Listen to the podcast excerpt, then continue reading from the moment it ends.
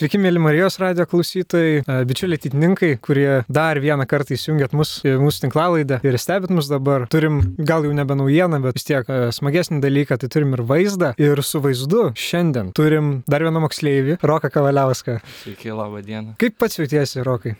Šiaip gerai, nežinau, pastarosim dienom labai gerai. Būdamas čia irgi gerai, nežinau, kažkaip pastaroju, sakau, metu labai viskas kažkaip gerai klostosi man. Netenka dažnai prie mikrofono pasidėti. Ne, dažniausiai būnu aš tas, kuris kitus kalbina, bet filmuotai nefilmuoju. Tai... Žiemos akademija yra įrodymas, toks šiek tiek. Jo. Turbūt ant kitos Žiemos akademijos išeis filmukas parodyti kaip. Jo, dar filmuką buvo interviu meistras irgi tenais. Ai, dar pamiršau paminėti, už pultą turim Novį Narauską, mūsų technikos žmogų. Tai jeigu kažką išgirsti iš galo, tai čia ne, neapsėda nieko, o tiesiog sėdi nojus. kaip visada, turbūt pradėsim nuo pirmo dalyko ir turbūt aktualiausio klausimo mums kaip ateitininkams. Pas, e, kai Laura kalbinau, šiek tiek šnekėjau, kad visų istorijos skirtingos, mes čia visi dėl skirtingų tikslų ir skirtingom istorijom. Tai Rokai, kaip tu atsiradai ateitininkų federacijoje? Pirmi metai buvo, buvo 2016 metai ir mano draugas, tai Rokas, mano bendravardis, Rokas Radomskis pasiūlė važiuoti Berčiūnus. Tai aš kažkaip sugalvojau, nu visai fainai būtų ir vasarą daugiau praleisti laiko su draugu. Tuo metu kažkaip vasarą labai sunkiai tiesiog susitikti, tai kažkaip pagalvojau, būtų labai nebloga proga tai padaryti. Ir paprašiau mamos, kad mane ten užregistruotų ir kažkaip jinai užregistravo ne į Berčiūnus, bet Berčiūnuose vykstančioje stovykloje. Tai buvo ten Panevičio krašto ateitininkų stovykla,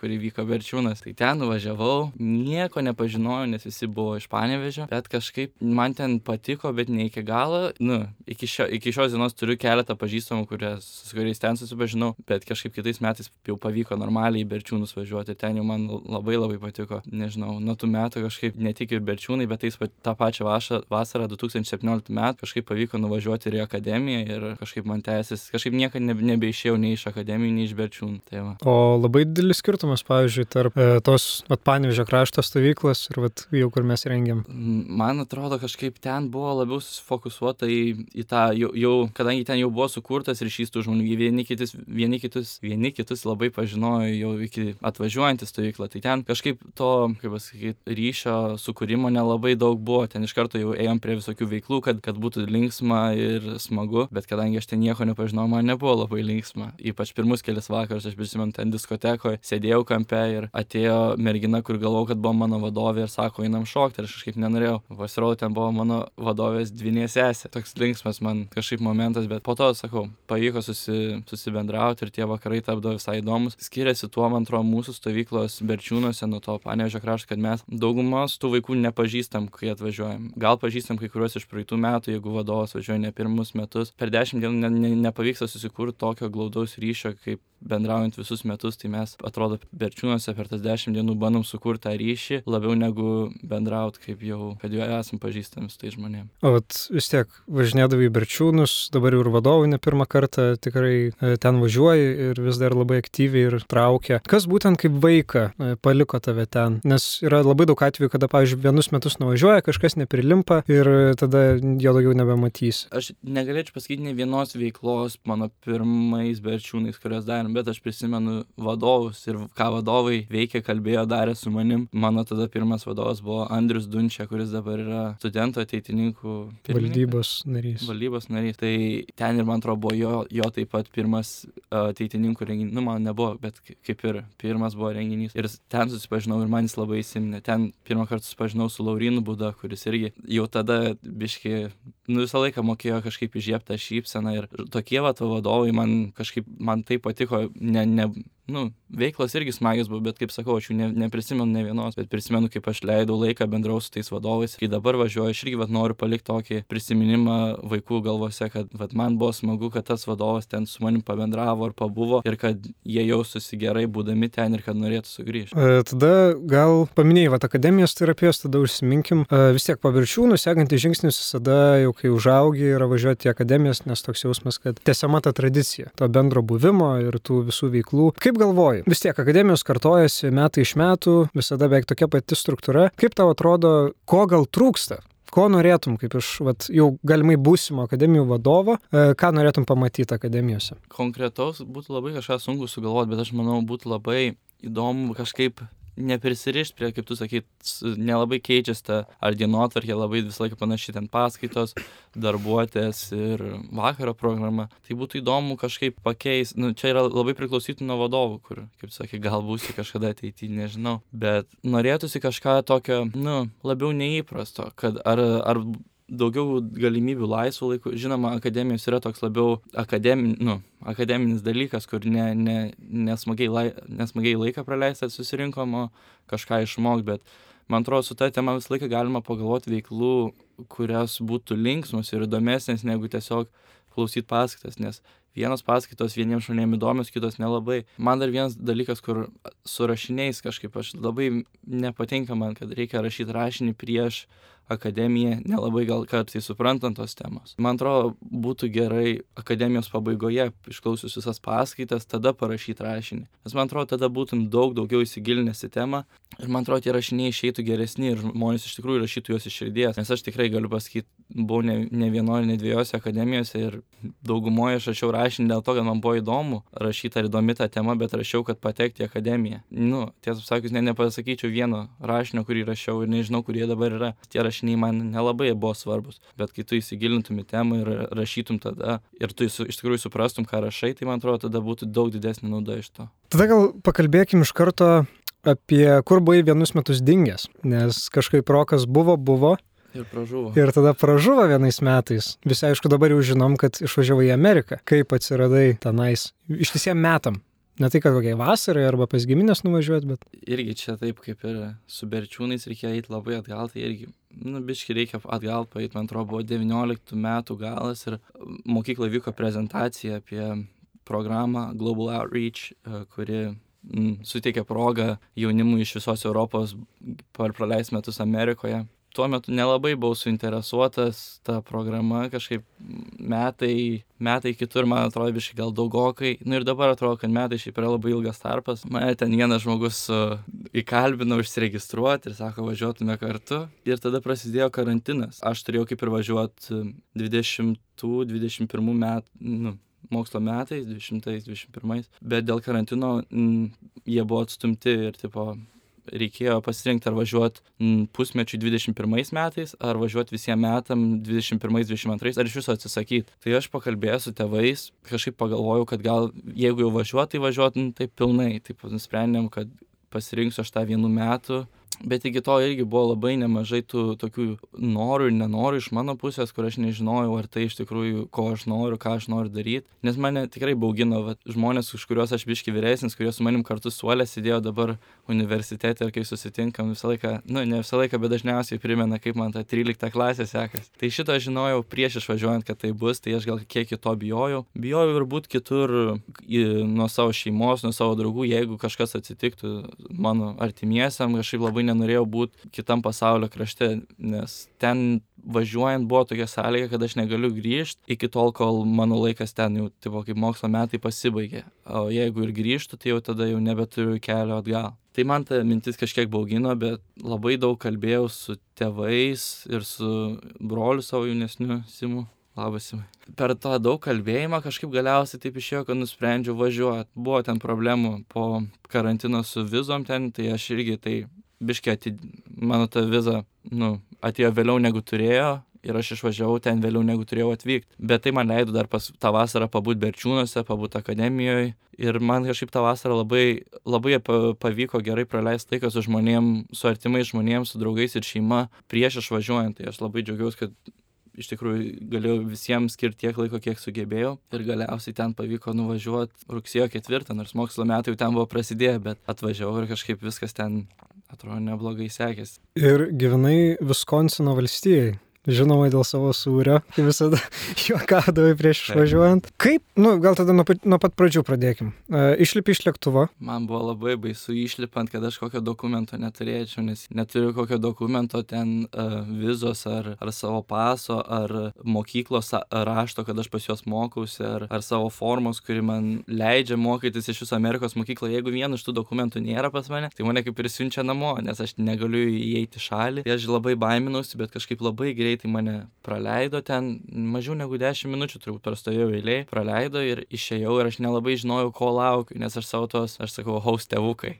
tai aš taip vis ir host family mano. Išėjau į tą terminalą, kur tipo visi susitinka su savo šeima, draugais ir aš nelabai žinau, ko ten lauk. Mano mama kažkaip sugalvojo, kad nufotkins mane, kaip aš atrodau į, įsėsdamas į lėktuvą. Ir kažkodėl aš nieko nekeičiu, net kepurės nenusijėmiau. Tai kaip, kaip išvažiavau, taip ir atėjau, į, kaip iš, iš, įlipau lėktuvą Vilniui, taip išlipau Čikagoje. Tai mane susirado tie host tėvukai pagal tai, kaip atrodžiau. Pasikalbėjom biški, sėdom į mašiną ir važiavom. Važiavom 3 valandas iki mano miestelio Oškoš, beveik centre Wisconsino valstijos. Kalbėjimo nebuvo daug, nes aš buvau biški dar ir pavargęs, ir tokiam biški gal, nu toksai galiu angliškai sakyti surreal moment, kad labai sunku patikėti, kad jau iš tikrųjų tai vyksta, kad aš negaliu taip, kada noriu paskambinti savo draugam ar šeimai ar pasikalbėti su jais, nes yra laiko skirtumas ir negaliu kada noriu jų pamatyti, nes irgi nesu ten, kur jie yra. Tai važiavimas namo nors ir buvo ilgas ir nebuvo daug kalbėjimo, bet aš kažkaip nemiegau ir vis galvojau apie tai. Tai turbūt šitas dalykas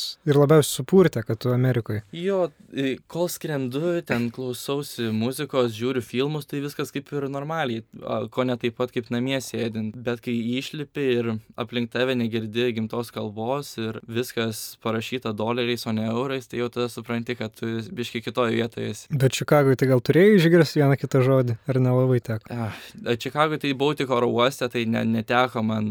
Kažkaip irgi dėl tos pandemijos neteko, būnant Čikagoje, išgirsti lietuvių kalbos iki beveik metų galo ten. Tai, bet dar iki to prieisim, kaip ten man sekė. Tai nuvažiavai tą šeimą. Vėl tada labai, gal nežinau, ar aš čia fokusuosiu ant to kultūrinio šoko ar dar kas nors. Vis tiek, nu, visai kitokius žmonės įsivaizduojam. Amerikoje ir tos šeimos. Tik kai susipažinai pirmą momentą, gal koks yra esminis skirtumas, kurį pastebėjai, nežinau, kažkas tokio. Man gal nesminis, aš tai jau supratau prieš atvažiuojant ir iki dabar man yra keista, kaip tie žmonės mane priėmė tiesiog iš gerumo savo, jiem nieks nieko nemokėjo, ten ta programa, su kuria aš važiavau, jie ieško taip um, host šeimų, kurios priimtų vaikus ir jos, nu, nemoka nieko tom šeimom, bet tiesiog iš, iš savo gerumo žmonės pasiema nepažįstamus vaikus iš Europos, kad jiem suteikti galimybę gyventi Amerikoje ir parodyti visai kitą pasaulio, kult... daugumą pasaulio kultūrų, nes, kaip žinom, Amerikoje jų labai daug. Ir čia katalikiška programa buvo, ne? Taip, čia buvo. Tai ir šeima turbūt, haustų buvo taip. katalikai. Stipresni tokie? Sakyčiau taip, nu, negu mano šeima, sakyčiau tikrai taip, nes aš tais metais nepraleidau ne vienų mišių sekmadienį. Net kai sirgau COVID, aš nepraleidau. Nes sakė, sakė kad bažnyčiai negalima užsikrėsti. Sako, Dievas apsaugos ten. Tai nežinau, mano tėvai galbūt kiek ramiau pažiūrėjai tai ir leidė pabūti namie, pasveikti, bet ten buvo kažkaip biškai kitaip į tai žiūrima. Nebuvo sunku amerikoniškų mišių klausyti. Pradžiai buvo labai sunku ir nelabai suprasdavau, kas kalbama yra. Ir kai kalbėdavau maldas, kalbėdavau lietuviškai, bet mano ta haus mama sako, jeigu tipo, tu planuoji čia Amerikoje gyventi metus, tai teks išmokti ir angliškai. Po kurio laiko išmokau ir angliškai, ir tą mišių eigą išmokau. Kiekvieną rytą, kai mane veždavo į mokyklą, mes taip pat su mano hausuma pasimelzdom, tai kažkaip tas angliškas maldas gerokai, nesu, nu, gan nesunkiai ir paprastai išmokau ir neužtruko taip ilgai, kaip maniau. Ir dabar, man atrodo, jeigu reikėtų pasakyčiau, bet aišku, nekalbu aš jų angliškai. O skiriasi mišas? Nors nu, ta pati bažnyčia, tai neturėtų būti kažkas. Ne, mišas nelabai skiriasi, bet kartais būna tokie keisti dalykai. Pavyzdžiui, kai mes eidom sekmadieniais, gal pirmą pusmetį eidavom į mišes, kurios prasidėjo 11 val. ir 7 minutės. Kodėl? Aš nežinau, kodėl toks keistas laikas, bet buvo visokių tokių kitokių dalykų. Ten dažniausiai kunigas eidavo prie durų ir tipo visus išlydėdavo, kai baigdavosi mišios, visiems ranką pasvausdavo, pakalbėdavo su visais. Lietuvoje irgi tai kartais matau, bet tai tikrai nėra taip dažna kaip ten. Ir yra, yra biškai keletas skirtumų, bet iš esmės viskas yra panašu kaip čia pas mus. Na nu, ir aišku, natūraliai turbūt labiausiai visiems įdomu amerikoniškas high schoolas. Kaip tu ten pritapai? Ar ten buvo grinai Wisconsino kokia nu, mokykla ir tokia irgi international? Kas yra matę High School Musical, tai mano, mano, kadangi mano mokykla buvo Lourdes Academy, jo, jos spalvas buvo raudona, balta ir juoda. Tai kaip įsivaizduoja tos raudona, raudonas spinteles, tai va, va tai va, atrodo tas koridorius pas mane. Kažkaip pradžioj buvo labai labai įdomus visiems, tiek naujas iš uh, Lithuania, kur nieks pusė nežinojo, kur tai yra, kur tai jau rodė žemėlapį, ten daug klausinėjo apie mano tą šalį. Tai tikrai pradžiai buvo labai įdomus visiems. Per pamokas mokytojai norėjo sužinoti apie mane, apie mano šalį. Daugam buvo nuostabu, nu, nuostaba, kad aš galėjau, sugebėjau angliškai kalbėti kažkaip neblogai visai, kad kiti suprastų. Vis tiek turėjau aš tą, tą akcentą biški, bet, nu, toks buvo, kad supranta visi žmonės. Ir mano haus tėvai irgi sakė, kad jiems buvo labai įdomu iš viso, kaip mes išmokom. Ir mano šeimoje kažkaip mano tėvai, nežinau, ar propagavo tai, ar leido mums tiesiog jaunystėje. Ir mes labai daug žiedom angliškų multikų. Tai Cartoon Network ir Boomerang buvo tokie mūsų esminiai, kuriuos mes ir mano broliai žiūrėdam. Ir kažkaip nežinau kaip, bet žiūrėjom daug ir išmokom tą anglų kalbą ir pasirodo kažkaip pravertė man tai gyvenime dabar. Skai užduoda daug klausimų, gal pasidalintum porą, kokie, nu, pavyzdžiui, esminiai ten, nu, be to, kad kur yra Lietuva. Nu, tai daug kas klausė, tipo, kuo žinoma gal Lietuva, tai aš visų pirma sakydavau, sakydavau Sabonis ir tie, kurie žino labiau krepšinį. Nu, Sabonį žinojo daugumą, net, nu, merginos, ne, kurios nesidomi sportu, bet vaikinai žinojo Sabonį ir jie tie, kurie biški labiau krepšindomis, pasakydavau ir Valančiūną, ir jaunesnį Sabonį, kurie dabar žaidžia e, NBA. Pasakiau ten, kur yra, nu, kaip sakai, kur yra Lietuva, tai ten paaiškinau, parodydavau. Teko daryti projektų apie pačią Lietuvą ir jos istoriją, tai žinau, parodžiau, kokie ten mes kažkada dideli buvom. Tokius dalykus, tų klausimų buvo labai daug ir jie visi galiausiai prieidavo prie to paties, kad, kad Lietuva, nu, aš turėdavau papasakoti, kad Lietuva labai nedidelė ir kad pas mus labai nedaug žmonių ir sakydavau, kad yra, nu, man aš neseniai sužinojau iš savo istorijos mokytojų, kad apie trečdalis lietuvių gyvena ne Lietuvoje. Tai ne, manau, kad daug, nu ne dauguma, bet daug to gyvena Amerikoje. Ir pasadau, kad Amerikoje buvo gan stipri ta lietuvių, lietuvių bendruomenė, ypač po, po antrojo pasaulinio karo, nes labai daug jų emigravo. Tai, kaip sakau, pirmas dvi, tris savaitės buvo labai įdomu visiems klausinėti, o po to, kai jau tapau toksai dažnas veidas koridoriuose, jau kažkaip tapo natūralu ir tie klausimai sumažėjo. Negadavai tos nesąmonės, kad Rusijos dalis. K kad panervuot mane būdavo tokie, kai aš pasakydavau, kad tipo, mes e, buvom Sovietų sąjungos dalis, tai būdavo, kad mane ten kartais Russian pavadindavo, bet tipo, tiesiog iš, iš to, kad bairuodavo jaunimas ir, nu, aš neimdavau iš širdį, bet, nu, aš irgi prisidėdavau savai, kitaip iš jų ten pasijuokdavau, bet būdavo tokių. Bet šiaip nepiktybiškai, tai, nu, iš tikrųjų, taip sakytų, tai ne, nebuvo. O pavyzdžiui, vis tiek mokinais kaip pilnas mokinys. Taip. Nebuvo jokių palengvintų programų, nieko. Ar labai skiriasi, pavyzdžiui, vat, struktūra ko moko, dar ko nors, ar tau buvo visiškai lengva, nes tą Lietuvoje mm, mokinais? Man, aš iki šiandien nežinau, ar man patinka ar nepatinka, bet taip ženkliai skiriasi nuo mūsų pamokų, kai mes turim ten po kiam penkias minutės, dažniausiai nuo aštuonių pradedam, ten turim pamokas ir baigiam. Tai ten pamokos prasidėdavo 7.55 ir baigdavosi 3 valandos 5 minutės, kiekvieną dieną taip pat. Ir kiekvieną dieną būdavo tos pačios pamokos, kurias tu turėdavai. Ir nes tu metų pradžioje rinkdavai pamokas. Tai aš, kurias pasirinkau, pirmą pusmetį tas kiekvieną dieną turėdavau. Tai tai kaip mes mokinamės, sakykime, chemiją nuo kelios aštuntos klasės, tai ką aš mokiau, aš vėl kažkaip pasiėmiau chemiją, tai ką aš mokiausi Lietuvoje čia aštuntojo, devintojo, dešimtojo klasėje chemijos, tai maždaug viską tą patį mokiausi per vieną pusmetį chemijos Amerikoje. Nes kiekvieną dieną būdavo pusantros valandos pamoka, nepasakiau šitą, būdavo penkios pamokos per dieną, tai būdavo pirmas blokas, antras, trečias, tai visi po pusantros valandos ir tada ketvirtas blokas išskirstytas į A ir B, tai po kem penkias minutės, tai tos trumpesnės pamokos. Struktūra skiriasi ir man atrodo, taip galima išmokti žymiai daugiau konkretaus dalyko, bet ne, ne, ne taip plačiai išmokti daug dalykų. Tai įmatai pliusų vienu žodžiu. Na, nu, aišku, kai pagalvojam apie amerikietišką mokyklą, neatsiejama sportas nuo jos. Tai turbūt žaidėjai kokiai komandai? Jo, žaidžiau.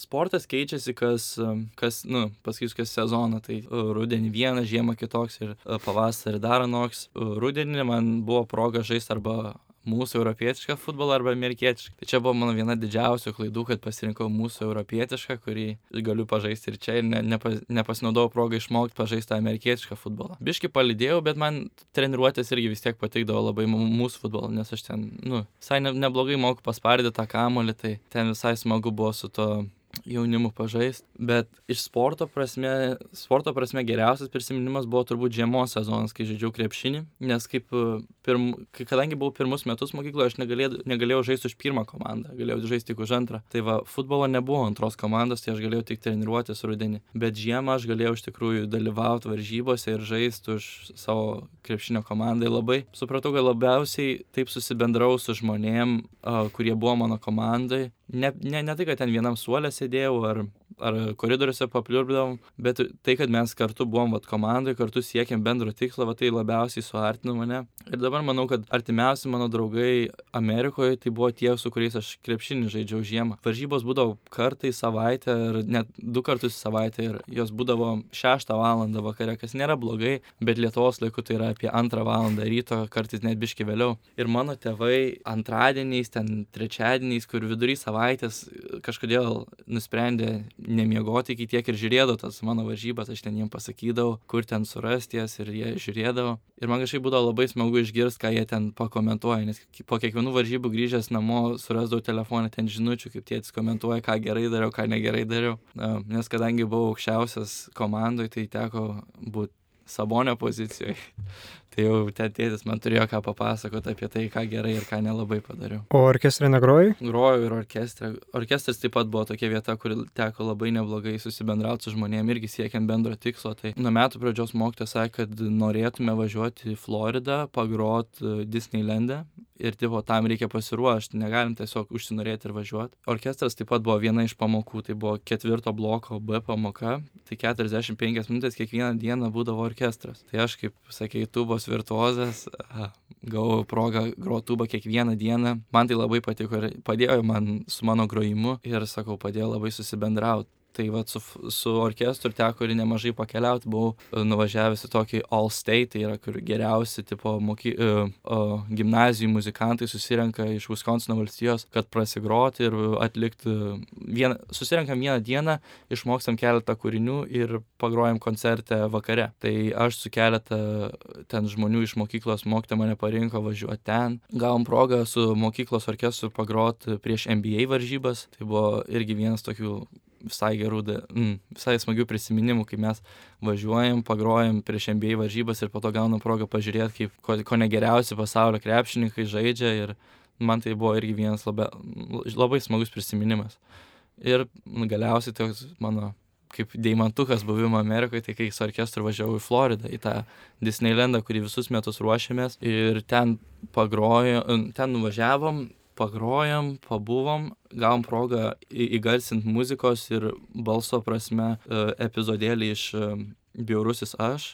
Tai aš gavau dar progą pabūt grų trumpam, trijom minutėm. Um, na ir aišku, gavom progą pabūt tose parkuose visose, kur, kur ten reikia kelt galvą aukštyn, kad pamatytum, kaip aukštai eina. Ir nu, ten per tokius dalykus kažkaip labiausiai suartėjau su žmonėm ir man jie didžiausiai didžiausius prisiminimus paliko. Būnant ten su jais ir siekiant bendro tikslo ir po to džiaugiantis tuo, ką mes pasiekėme. Tai turbūt labiausiai ką išsivežti tai pažintis. Taip, nu, man vat, kažkaip tėvai labai mėgsta pasakyti, nu tai kada grįšim atgal, nes kažkaip jie, mano tėvai ir brolis taip pat atvažiavo pas mane metų gale ir nors jie pabuvo savaitėlę, bet jie irgi susipažino su ne, labai, ne, labai nemažai žmonių ir jie jau irgi nori ten grįžti, pabūt. Aš irgi kažkaip nekantrauju, nes aš žinau, kad kažkada tikrai grįšiu, labai nekantrauju grįžti, kad vėl susitiktų tai žmonėm. Norėčiau ypač sugrįžti šią vasarą ar per kitus mokslo metus, kol jie bus neišsivažinėjai savo visus universitetus ir koledžus. Amerikoje yra būdinga važiuoti labai toliai į koledžą, kuris tau patinka.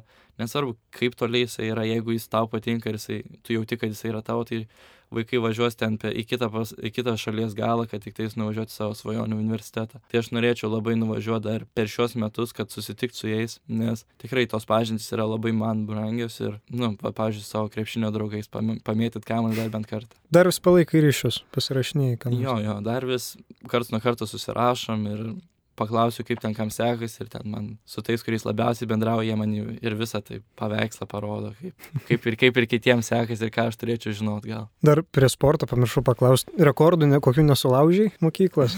ne, ten aš kaip toksai, kuris nelabai gavau progą pažaisti sportą, kurį treniravausi savo, savo didžiąją gyvenimo dalį, tai futbolą, tai negavau, nu, aš tikrai nebuvau krepšinėje ar pamiršau paminėti, kad pavasarį sportavau lengvą atletiką. Tai tikrai ten nebuvau geriausias, bet man šiaip buvo smagu būti tos komandos dalim. Rekordų jokių tikrai nesudaužiau ir tikrai net nebuvau arti, manau. Sakai, kad ūgis skiriasi. Tai ten nėra labai daug aukštų tokių? Ah, ten yra, ten yra gan keista, kažkaip Lietuvoje aš pastebėjau, kad pas mus yra daugiau aukštų žmonių, bet pas juos yra daugiau labai aukštų.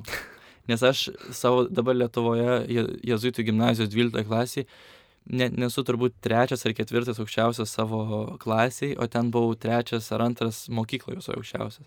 Žiūrint aplamai, tai yra tikrai daugiau tų labai aukštų žmonių, bet šiaip tas vidutinis ūgis, tai kažkaip man atrodo pas mus yra aukštesni žmonės. Šiaip e, turbūt vis tiek, vat, klausys moksleiviai gal ne, bet vis tiek dauguma jo. Daugiausiai, kiek mes žinom apie Ameriką, tai turbūt yra iš filmų. Ar labai skiriasi ten tas gyvenimas, kaip ten įrodo Hollywoodas?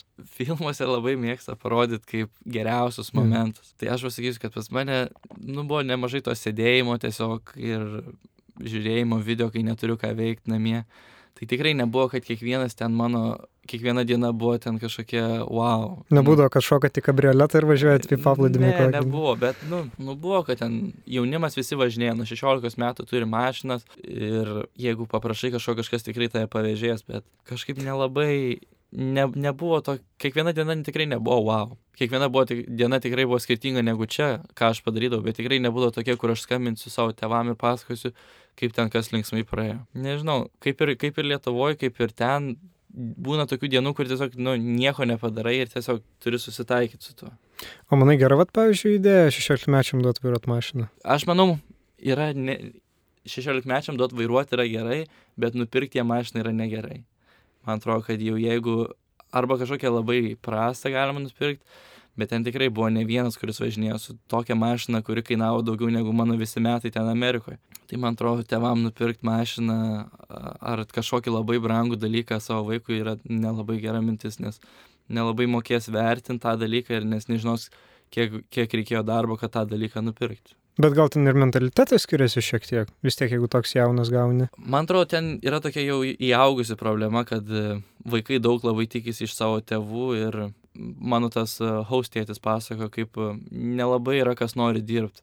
Kiek aš ten buvau, tiek visi greito maisto restoranai, visos parduotuvės e, turėjo tą help wanted ir ten rašė, kiek į valandą siūlo tų dolerių, bet man ten pasako, niekas nebenori dirbti už tą, nu šiaip labai, labai mažai jaunimo nori dirbti, nes labai daug gauna pinigų iš savo tėvų ir kol jie iš tikrųjų neišsikelia iš namų, jie nelabai mato prasmės dirbti, jeigu jie viską, ką nori, gaus iš savo tėvų. Neužsirašai dolerių pasirinkti? Nu, mano buvo viena iš sąlygų, kai važiavau ten, kad aš negaliu darbą turėti. Bet ten tikrai tokie pasiūlymai, kur praeiviai Lietuvoje tikrai ne vienas ir ne du eitų iš karto bėgti užsirašyti ten. Gal bijoja, kad pasiliksi? Netyčia. Nu, ten, man atrodo, ten yra, vat, e, finansinė prasme, yra žymiai lengviau negu, žymiai lengviau užsidirbti pinigų negu čia. Tai kadangi ekonomika jų geresnė, tai žinau, bet dalykai taip pat ten ir daugiau kainuoja ir mano tėtis labai mėgsta man priminti, kiek daug aš pinigų ten išleidau, bet ten kažkaip kitaip ir neišėjo, nes labai daug kainuoja viskas. Gal maistas nėra toks brangus, bet, pavyzdžiui, apsilankimas pas dantistą man kainavo 400 dolerių, kad man tiesiog apžiūrėtų ir padarytų nuotraukas. Tai tie pinigai taip susideda. Vienose vietose gal maždaug tiek pat, gal net mažiau kainuoja negu čia pas mus Lietuvoje, bet kitose tikrai do, žymiai daugiau ir tai labai pasimato galiausiai. Vėl paminėjau tą mentalitetą, tai visai gal norėčiau pratesti apie, ta, apie tai. Ar labai skiriasi vat, jaunimo tas mindsetas? Vat pavyzdžiui, kad ten, nu jau pašnekėm apie mašinas, ten, vat, pavyzdžiui, pinigus, taip toliau, bet kad ten, vat, pavyzdžiui, atsakomybių klausimų arba vertybių tų pačių, kad, pavyzdžiui, su to pačiu tikėjimu, dar kuo nors. Aš nors ir ėjau į katalikišką gimnaziją, aš nepasakyčiau, kad ten buvo labai daug tikinčių vaikų, man kažkaip nu taip nepasirodė, nors kiekvieną savaitę vykdavo mišios, bet netrodo, kad tie vaikai būdavo labai suinteresuoti ar įsitraukę.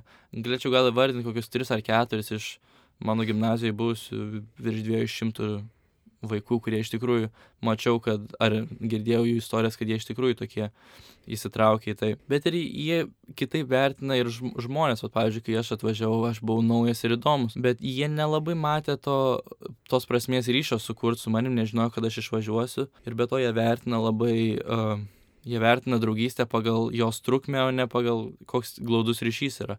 Tai jeigu aš atvažiavęs naujas, aš tikrai ne, netapsiu geresnis draugas negu tą, kurį jie pažįsta nuo pirmos klasės.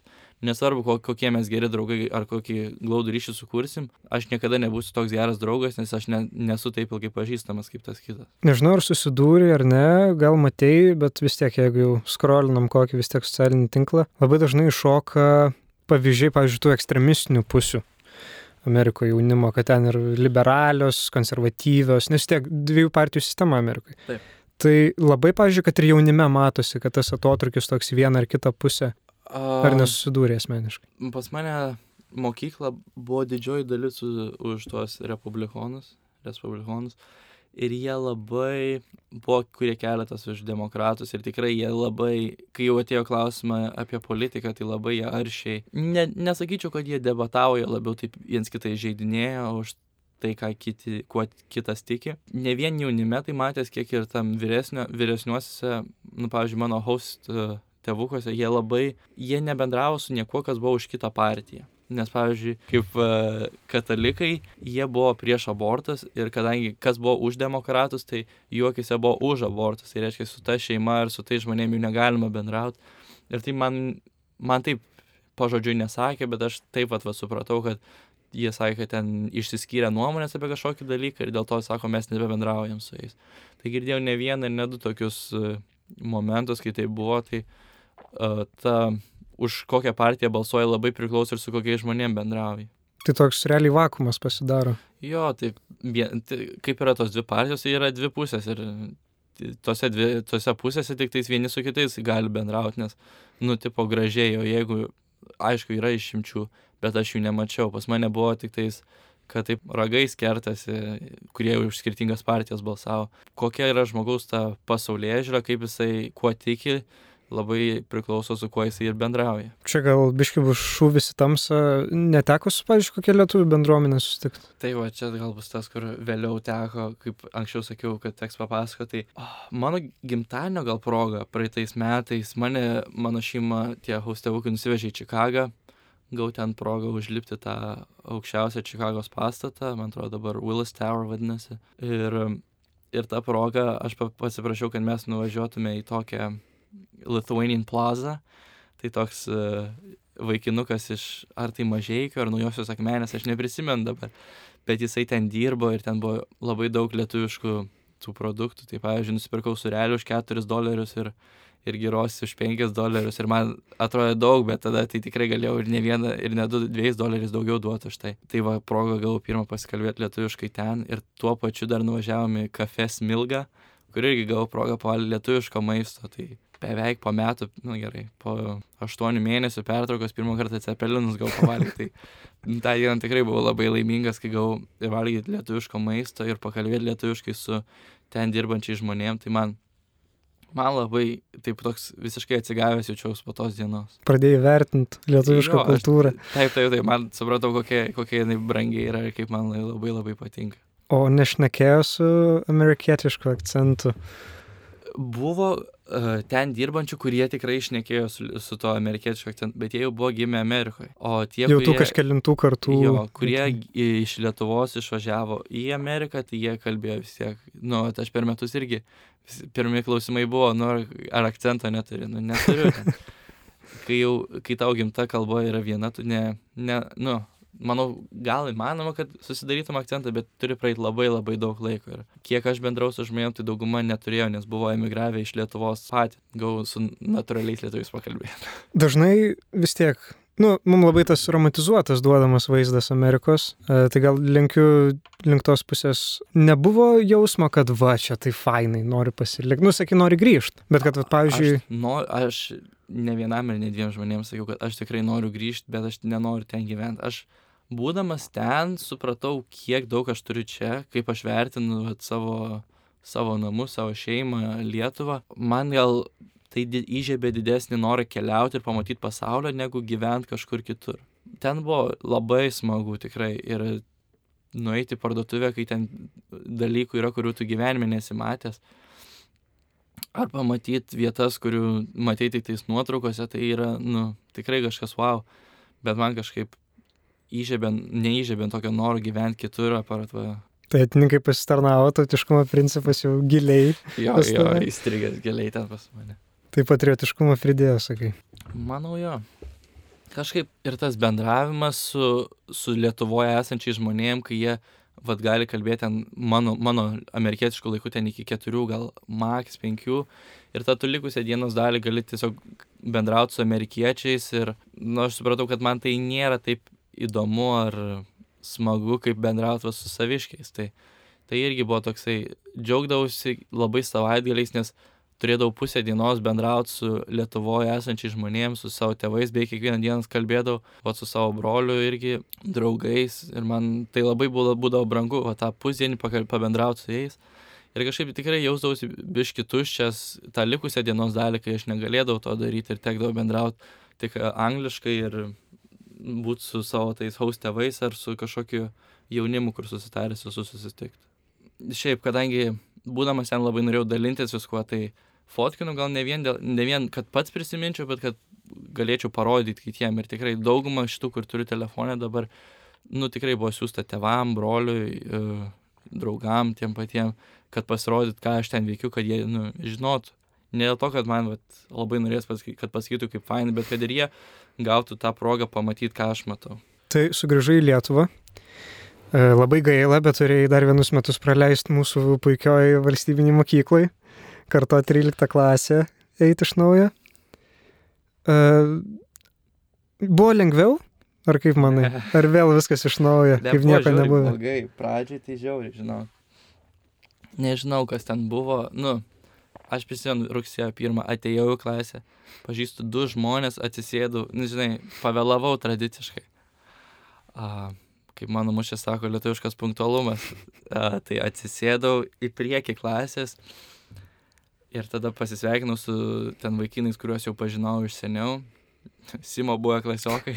Ir tada kažkaip, nežinau, pradžiai tikrai pažinau labai nedaug labai nedaug žmonių, bet ėjo laikas, kažkaip biškai susipažinau, bet sakyčiau, pirmus tris mėnesius tai tikrai nebuvau toksai, kad eidavau mokyklą su džiaugsmu, ten nelabai turėjau su kuo daug bendrauti.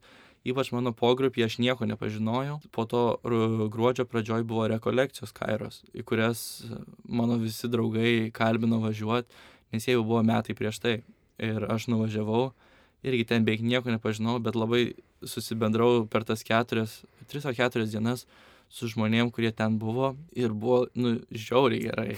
Ir nuo to laiko aš iš tikrųjų labai džiaugiuosi tą, to savo buvimu mokykloje. Bet per tas keturias dienas, kaip susibendrau aš su savo klase, nu, savo pogrupiu, ne, ne pogrupiu, kursu visų, nu, tikrai atrodo, buvo jau glaudesnis ryšys negu prieš išvažiuojant, kai aš buvau su savo metų, metų vaikais. Vaikais. A, bet ir, žinoma, vat, kai dabar buvo šimtadienio repeticijos pasirašymas tai šventėjai, vat, irgi didžioji dalis mūsų susirinkdavo į tas repeticijas sekmanį 10 ryto, visi gan pavargę, bet visi bendro tikslo siekiam, kaip ir Amerikoje. Ir per tai daugiausia susibendravau ten. Ir iki dabar vat, bendrauju su žmonėmis, su kurie, kurių nelabai pažinojau, ar iš viso ne, ne, nepažinojau prieš ateinant į šitą, šitą kursą. Tai man, nu, aš galiu pasakyti, kad labai esu dabar patenkintas, bet pradžioje tai tikrai nebuvo lengva. Tai pasidarė gaila, kad net išvažiavai, ar ne? Ne, aš, aš džiaugiuosi, kad išvažiavau, nes man, sakau, man labai patinka šitas mano, šitie žmonės, Nuotykis. su, su kuriais aš mokausi. Ir, žinoma, Amerikos tas uh, experiences patiko, bet tai man gal net šitas pogrupis mano aplamai patinka labiau negu tas, su kuriuo aš, aš buvau anksčiau. Ir nors vien, vos vienus metus aš su jais esu, bet man tikrai labai labai aš džiaugiuosi, kad aš čia su jais. Gal kažką galvoju ir pastu, jau apie studijas, ne? Vakar pas mus namuose buvo labai rimtas pokalbis, kaip, kaip ne mes, aš susimu, dabar 12 kai esam, kaip mes nežinom, kur, kur mes norim ir kad kur mes norim gal yra nelabai gerai mam, mamos ir tėčio akimis. Nu, a, Simas žino, kur jisai nori ir mama buvo nepatenkinta tą, tą mintim. Bet aš nelabai žinau, aš galvau, kad teisė yra m, toks mano dalykas, kur aš visai norėčiau. Bet mamos paskatintas užsiregistravau į tą teisės įvadą, tai kaip ir tokios paskaitos kartai savaitę. Ir supratau, kad man ten žiauriai neįdomu yra. Nu, aš gyvenime nenorėčiau to daryti. Jeigu... Neįžydžiant jokių teisininkų. Ne, ne, gal jums įdomu, bet man žinokit. Ne. tai va dabar yra labai, laukia labai įdomus, va, du mėnesiai, nu, gal biški daugiau, du su pusė mėnesio sugalvot, ką aš ten noriu studijuoti Nes vakar, sakau, ėjom per sąrašą, kas gal man būtų įdomu ir nebuvo ne vieno, kuris užkabino. Tai turbūt teks kažkurį savaitgalį rimtai pas, pasėdėti ir suras kažką, nes, nu, dar vienų metų praleisti šiaip nelabai norėčiau. O kaip galvoji, kame tas sunkumas pasirinkti? Ar čia kiekvieno žmogaus toks dalykas, ar čia realiai sistemai kažkoks trikdis yra? Kad... Man atrodo, kažkada, nežinau, kiek, ar vieną, ar, ar du kartus buvo akademija apie pašaukimą. Ir labai, man atrodo, tai yra dažnas, nu nedažnas, bet kiekvienam asmeniškas dalykas toksai, kur žmogus tikrai jau gali metai prieš baigiant mokyklą žinot, ką jisai nori studijuoti. Arba gali būti toks, kuris, kaip aš, kur net 13 klasėje nežino. 13 klasės giliai nežino, ką jisai nori veikti po mokyklos. Bet aš kažkaip per daug dėl to nestresuoju. Man kažkaip atrodo, kad, mm, vat kaip ir su Amerika, taip gavos, kad išvažiavau nelabai norėdamas ir tai ko negeriausias mano pasirinkimas buvo, kad vis tiek kažkaip, kažkaip ateis man tas supratimas, kur aš noriu eiti, ar, ar ką aš noriu daryti po tos mokyklos. Šiaip belekiek užsieniečių turi lietuviškų, nu, amerikonų dabar garsių belekiek. Jason Sudeikis iš pavardės jau matosi. Tada- Zemekis. Jos Mekis, tada yra šita Pink, Mhm. Nes proseneliai lygtais. Tas buvau, kai buvau ambasadoj Amerikos Vilniui, tai jie turėjo posterius, tipo, kas iš žymių amerikiečių yra, tipo, lietuviškų šaknų. Tai buvo Bob Dylan. Jo, Dylanas šitą atsimenu. Uh, tokie, aš ne, nelabai žinau, bet čia, tipo, stry, uh, seni tokie comedians, tai The, the Three Stooges. Jie turi lietuviškų. Nu? Ir aš kai ėjau ten į tą ambasadą, irgi toksai, sakau, biški užsivėlinau aš ten, nunešiau tą savo pasą, ten viskas praėjo, ten man paklausė, tipo, ką aš ten veiksiu, ką darysiu, ką aš šiaip gyvenime veikiu, suprato, kad ne teroristas. ir davė man tą vizą mano, e, tipo, ne, nedavė, bet aš turėjau palikti pasą. Jie sako, mes tau, tipo, arba pameilinsim, arba tu gali atvažiuoti pats. Ir aš tipo sakau, nu, meilint nelabai išeina, ten gal jau 24-25 dieną. Ir, o man skrydis ten už pusantro savaitės. Tai, o druk ten neišeis. Nu, tipo, kažkas su paštu ir aš neturėsiu to paso. Tai sakau, tai aš atvarysiu kitą dieną. Tai sėdau jau traukiant, taip sėdžiu, laukiu. Ir man skambina. Sveiki, ten jau padarėm jūsų vizą, galite eiti pasimti. Oi, nežinau, tai čia traukinys sėdžiu. Na, tai nieko, rytoj atvarys. Ska, skambinu mamai, sakau, nu jau jie padarė, bet aš traukinys, sakau, tai varyk pas jų. tai aš nuvariau, dar man davė už tą traukinio bilietą atgal pinigus. Oi, dosnus. Tai iš viso tai ten pėdinau pusvalandį iki tos ambasados, nes kodėl aš nevažiavau, neįsivaizduoju. Bet nusprendžiau eiti, nuėjau, pasiėmiau, grįžau ir jau su viza rankoje einu namo, važiuoju traukiniu ir tą kitą dieną į akademiją važiavau. Į biržas. Na kągi, at, at, nu, Dar klausimą vieną. ne, jau klausimą. Fun facts. Fun facts, e, važiuoju tik fun facts. Ne, tai, Rokai, žiauriai ačiū. Uh, prisikalbinom, žiauriai kietai apie Ameriką papasakai, gaila, kad baigėsi mums vieta, nojau. Uh, bet jo, bet jo, uh, ta prasme, žiauriai ačiū, kad papasakai, radai laiko. Uh, noriu padėkoti Marijos radijai, kad eilinį kartą mus priemė, davė net filmuotis. Uh, tai klausykit mūsų ten, Spotify, YouTube, visur, uh, būsim labai dėkingi, esam jiem labai dėkingi, esam žiauriai dėkingi Rokui, kad atrado laiko ir nėjo net į matematiką.